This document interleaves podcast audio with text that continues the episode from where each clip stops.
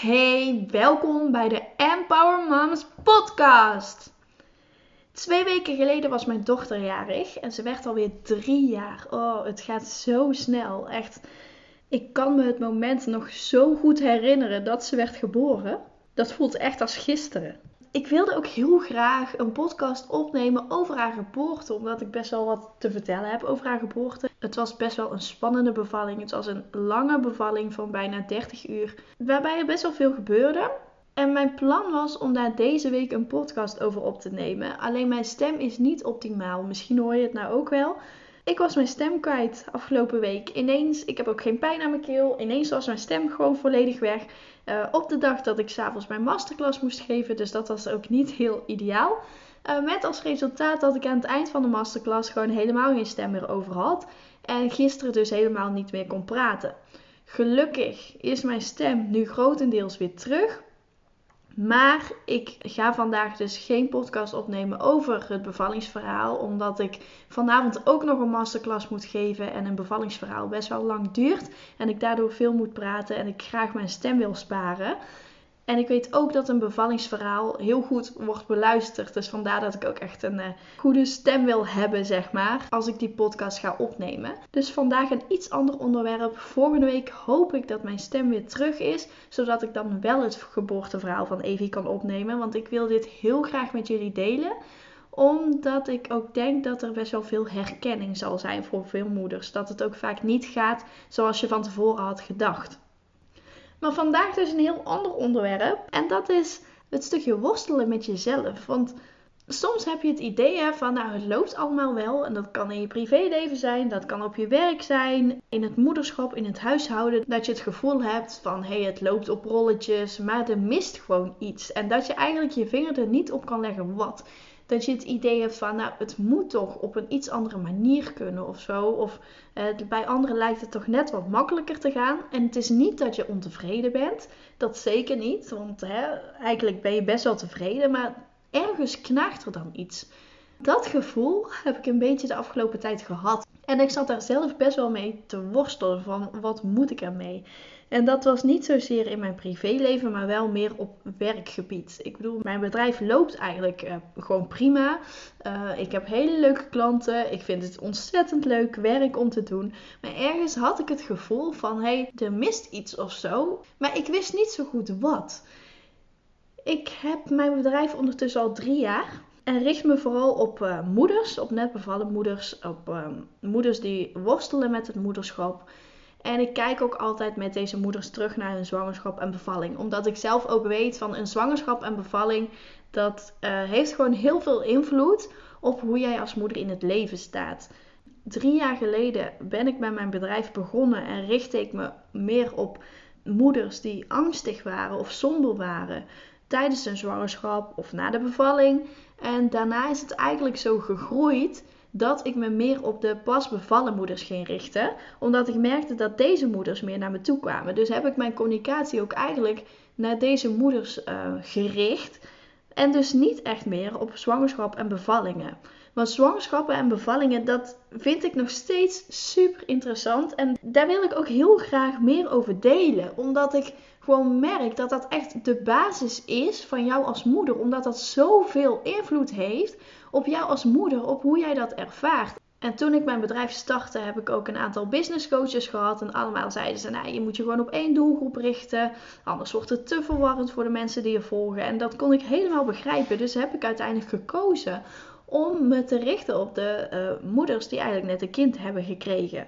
Wat natuurlijk de rest ook niet uitsluit. Hè? Maar dat was meer mijn doelgroep. En nu de laatste maanden merk ik eigenlijk van ik mis daar toch echt iets in. Meer dat stukje zwangerschap, meer dat stukje bevalling. Omdat er best wel wat vrouwen zijn die met nare zwangerschapservaringen of nare bevallingservaringen naar mij toe komen. Nu merk ik dat ik daar weer wat meer in mag groeien. Dat ik daar ook weer meer mee mag doen. Dat mijn bedrijf zich daar ook meer op mag richten, ook in mijn communicatie. Ook al doe ik dat in mijn werkzaamheden al wel. Daarin zal er niet zo heel veel veranderen, maar wel in mijn communicatie, omdat ik me niet alleen wil richten op het moederschap, wat ik nu dus wel doe, maar ook echt die zwangerschap en bevalling wil meepakken. En ik heb het daar ook met heel veel moeders over gehad hoor. Van hé, hey, wat vinden jullie daar nou van? En zitten jullie daarop te wachten? Dat is natuurlijk ook heel belangrijk. En ik merk dat heel veel moeders dat wel heel interessant vinden eigenlijk. Vorig jaar heb ik een mailtje gestuurd naar mijn maillijst met de vraag: heb jij er behoefte aan om tips te hebben over hoe jij nare ervaringen kunt verwerken? Of heb jij er behoefte aan om hierbij begeleiding te krijgen? En ik kreeg daar zoveel respons op dat mijn inbox echt overstroomde. Het was zo bizar dat er zoveel behoefte aan is. En toen dacht ik van ja, hier moet ik iets mee doen. En dat voelde ik ook echt helemaal in mijn lijf van ja, dit is wat ik wil. Maar net op dat moment dat ik had besloten dat ik me daar meer op wilde richten, kwam er een nieuw huis voorbij voor ons. En dat slokte zoveel tijd op. En het kostte zoveel energie om daarmee bezig te zijn. Om alles te regelen met betrekking tot de verhuizing. Um, om alles te regelen met de verkoop van ons oude huis. Uh, met het intrekken van ons nieuwe huis. Met de verbouwing. Dat ik het er in mijn hoofd gewoon even niet bij kon hebben.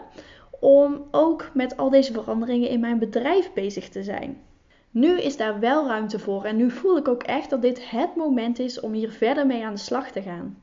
Dus ik heb van de week heb ik ook mijn uh, bio aangepast van mijn Instagram en van mijn Facebook account. En um, heb ik gezegd, ik ben psycholoog en ik ben bevallingsexpert. En misschien denk je nou van, nou, hoezo bevallingsexpert? Want hè, mijn man zei het zo mooi van, ja, wat bedoel je daarmee? Want hè, als je bent bevallen, ben je dan meteen een bevallingsexpert? Ik zeg, nee, dat, dat is het eigenlijk helemaal niet. Uh, maar ik heb natuurlijk een hele studie verloskunde gedaan. En omdat ik niet werk als verloskundige, ben ik ook geen verloskundige. Uh, maar ik heb wel die kennis. Ik heb niet voor niks die hele studie doorlopen. Dus ik weet alles rondom zwangerschappen, rondom bevallingen. Dus vandaar dat ik mezelf ook bevallingsexpert noem.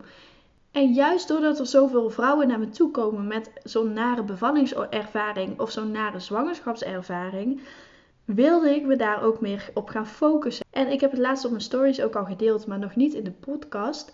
Maar ik heb laatst een traumabehandeling ondergaan bij een vriendin. Niet omdat ik zelf een trauma heb, maar meer om het te ervaren van hoe die behandeling gaat. En dit is ook echt een techniek die eigenlijk nog niet heel erg bekend is in Nederland, omdat er uh, op dit moment nog maar vier practitioners zijn. Er zijn maar vier mensen die deze techniek toepassen. En ik vond dat zo interessant, omdat weet je, als je bij iemand komt die jou gaat helpen om een nare bevalling te verwerken of een nare zwangerschap te verwerken of iets naars te verwerken wat jij in het moederschap hebt meegemaakt, dan voelt dat al gauw heel erg zwaar. En ik merk dat bij mijn cliënten ook altijd dat ze als ze terugkomen van een sessie, je moet die dag echt gewoon niet heel veel meer plannen, want het kost zoveel kracht, het kost zoveel energie. En de volgende dag hebben ze vaak het gevoel alsof ze overreden zijn door een vrachtwagen. En dat is niet heel gek en dat hoort erbij. Dat is ook heel normaal dat je dat ervaart, want er gebeurt gewoon heel veel in jou. Uh, je bent het aan het verwerken, dus dat kost gewoon heel veel energie. Maar ik dacht, ja, dit moet toch op een makkelijkere manier kunnen. Want Waarom moet dit allemaal zo zwaar zijn? Die nare ervaring is al zwaar genoeg. Dus als er een techniek is om het wat makkelijker te maken, om het gewoon luchtiger te houden, om het ja, zelfs met humor te benaderen, want dat is het zo. Ik heb het zelf ervaren tijdens die sessie met een vriendin.